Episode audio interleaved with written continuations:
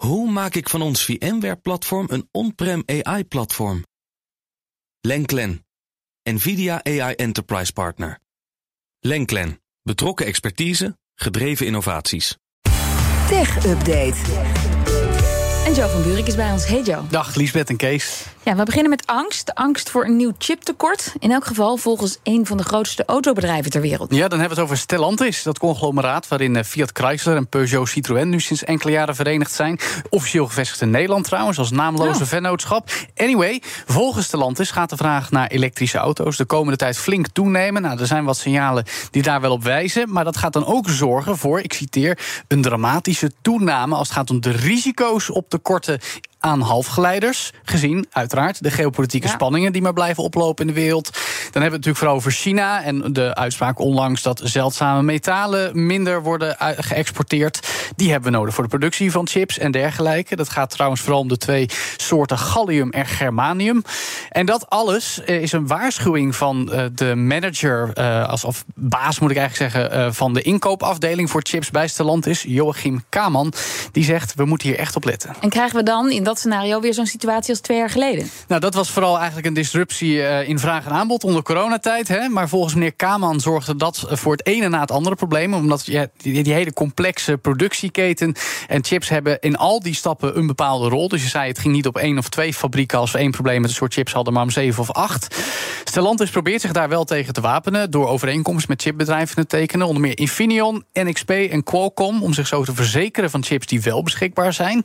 Dat gaat ook om eh, 10 miljard euro aan investering tussen nu en 2030. Ja, alleen al voor chips. Dat is toch een flinke rekening. Ze willen ook zelf eh, chips gaan ontwerpen bij Stellantis in samenwerking met twee bedrijven.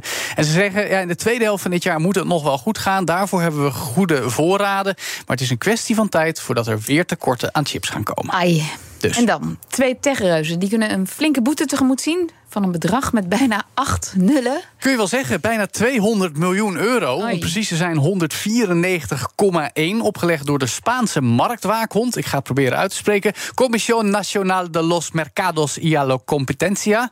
Heel netjes. CMNC. Netjes, nou ja, het- ja. ik spreek niet eens Spaans, maar je doet je best. Vermeende wetsovertreders in dit geval zijn Amazon en Apple. Twee techreuzen uit Amerika. Die zouden onderling afspraken hebben gemaakt om de concurrentie te beperken. Amazon liet kleine partijen niet toe in Spanje als ze Apple-producten wilden verkopen op dat platform.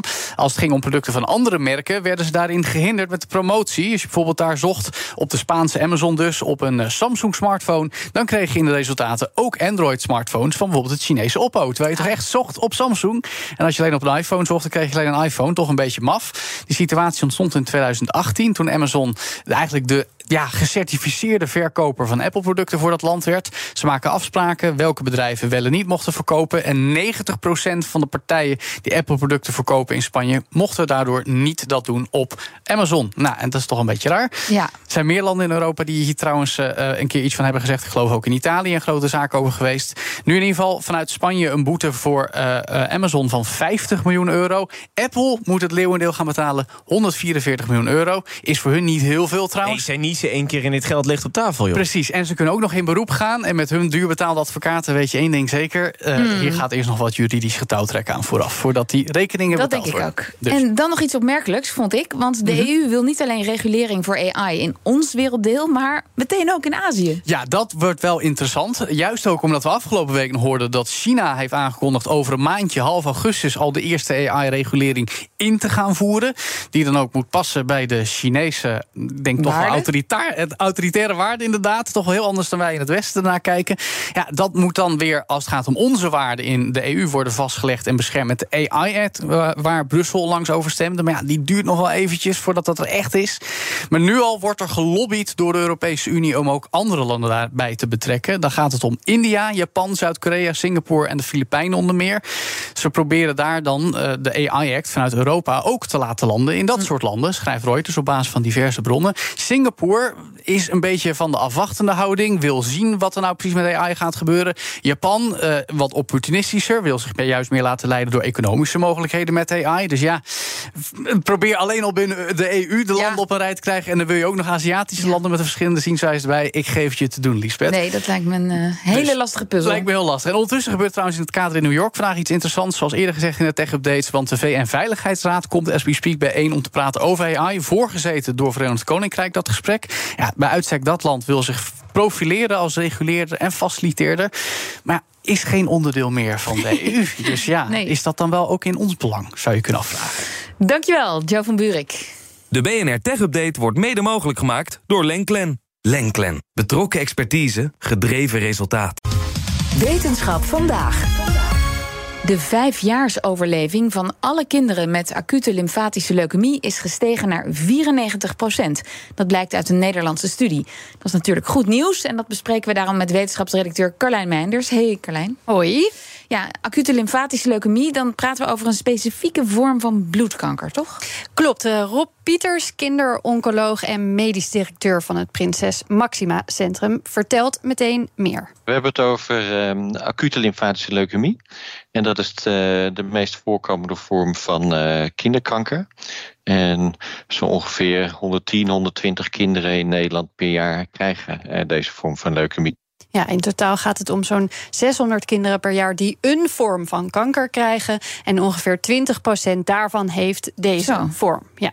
En de leeftijd waarop het het meest voorkomt is rond de 4, uh, 5 jaar. Ja, je moet er niet aan denken. Is echt ja, dat is echt de kleuterleeftijd. Ja. En hoe lang bestaat er eigenlijk al een behandeling voor de ziekte? Eigenlijk nog niet eens zo heel lang vroeg. Uh, jaren 70 is begonnen met de behandeling. Daarvoor werden kinderen met leukemie helemaal niet behandeld. Kijk, leukemie is een vorm van bloedkanker, dus uh, dat kun je niet opereren, je kan het niet bestralen. Uh, dus moet je het met chemotherapie doen. Maar pas eind jaren 60 in de Verenigde Staten kwam de, uh, hadden een paar kinderartsen het, nou misschien moet je wel zeggen, het lef om kinderen chemotherapie te gaan geven. En dat is begin jaren 70 in Nederland overgenomen. En op het eerste behandelschema wat toen ontwikkeld is, genas uh, maar 4% van alle kinderen. Ja, het leek er dus eigenlijk even op dat het niet zo goed werkte. Maar er waren een aantal kinderartsen die gaven niet op. En rond het volgende behandelschema zaten ze al op 30%. En door de tijd heen is die chemotherapie steeds meer verbeterd. Waarbij de middelen zelf grotendeels hetzelfde zijn gebleven. Maar de manier waarop ze worden ingezet steeds verder geoptimaliseerd is. En dat heeft ertoe geleid dat we inmiddels op 94% zitten. Ja, uh, dan gaat het om de vijfjaarsoverleving. Je moet natuurlijk een eikpunt hebben. Wanneer spreek je van overleven? Liever nog zouden ze, zei Pieters ook, naar de tienjaarsoverleving kijken. Maar die vijf jaar wordt binnen kankeronderzoek overal aangehouden. Maar goed, als je bedenkt dat zo'n 50 jaar geleden de overlevingskans nul was, dan zijn dit natuurlijk indrukwekkende cijfers. Merk je ook wel aan hoe de rest van de onderzoekswereld op deze resultaten zat te wachten. Het is natuurlijk ook niet zomaar het grootste kinderkankercentrum van Europa dat dit onderzoek heeft gedaan. Ja, dat prinses Maxima. En, en hoe hebben ze die laatste verbetering voor elkaar gekregen? Ja, wat ze nu hebben onderzocht voor drie subgroepen van de ziekte is hoe de behandeling nog beter kon.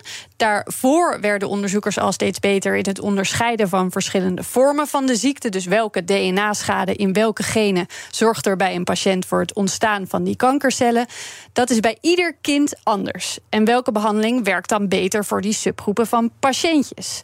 Uh, Pieters vertelt wat ze nu in deze laatste periode voor elkaar hebben gekregen. We zagen op basis van het DNA-onderzoek dat er bij één bepaalde groep kinderen, dat zijn kinderen met een hele specifieke DNA-afwijking, een zogenaamde Icoros-deletie, die missen een stukje van een bepaald gen, dat daar de kans dat de leukemie terugkwam eigenlijk nog heel erg groot was.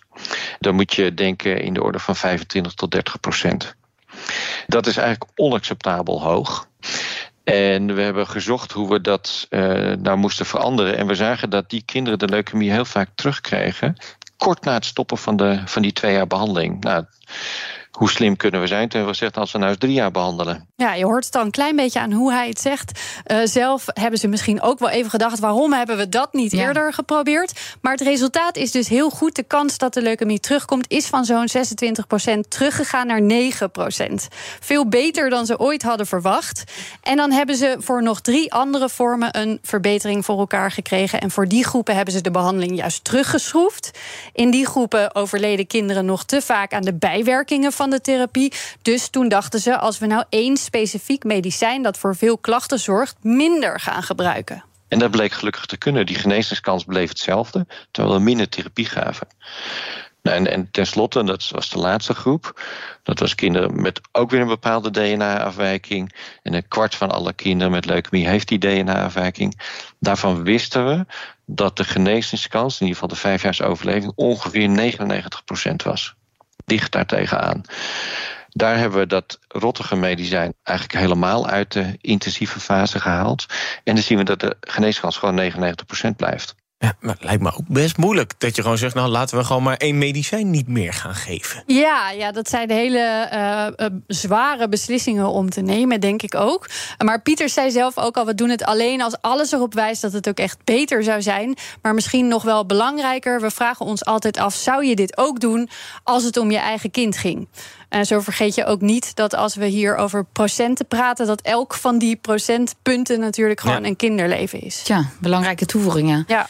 En verwachten ze dan ooit ook 100% overlevingskans te behalen als je al op 94 zit? Ja, ze verwachten zeker dat er ruimte is voor nog meer verbetering. Die laatste 5 à 10% van de kinderen die nog moeten genezen, hebben de rottigste vorm van leukemie, waarbij alle bestaande behandelingen dus niet aanslaan. Hmm. Maar voor deze groep hebben ze de hoop dat een andere vorm van behandelen wel kan gaan helpen. En dat zijn twee typen van immuuntherapie. Uh, dat zijn ze inmiddels zowel voor kinderen aan het onderzoeken die leukemie terugkrijgen, als voor kinderen die het voor het eerst krijgen. Ik ben heel, heel optimistisch. En bovendien moet je dat bij ons ook zijn, anders mag je niet bij ons werken. Hm. We, zeggen altijd, we stoppen pas als we bij die 100% zijn. En niet bij de 94 of de 96 of de 98. Ja, dat klinkt goed. Ze gaan, uh, zijn nog lang niet klaar met het onderzoek. En uh, ja, op naar die 100% zou ik Dat zeggen. zou ik ook zeggen. Dankjewel, Carlijn Meinders. Hoe maak ik van ons VMware-platform een on-prem AI-platform? Lenklen, NVIDIA AI Enterprise Partner. Lenklen, betrokken expertise, gedreven innovaties.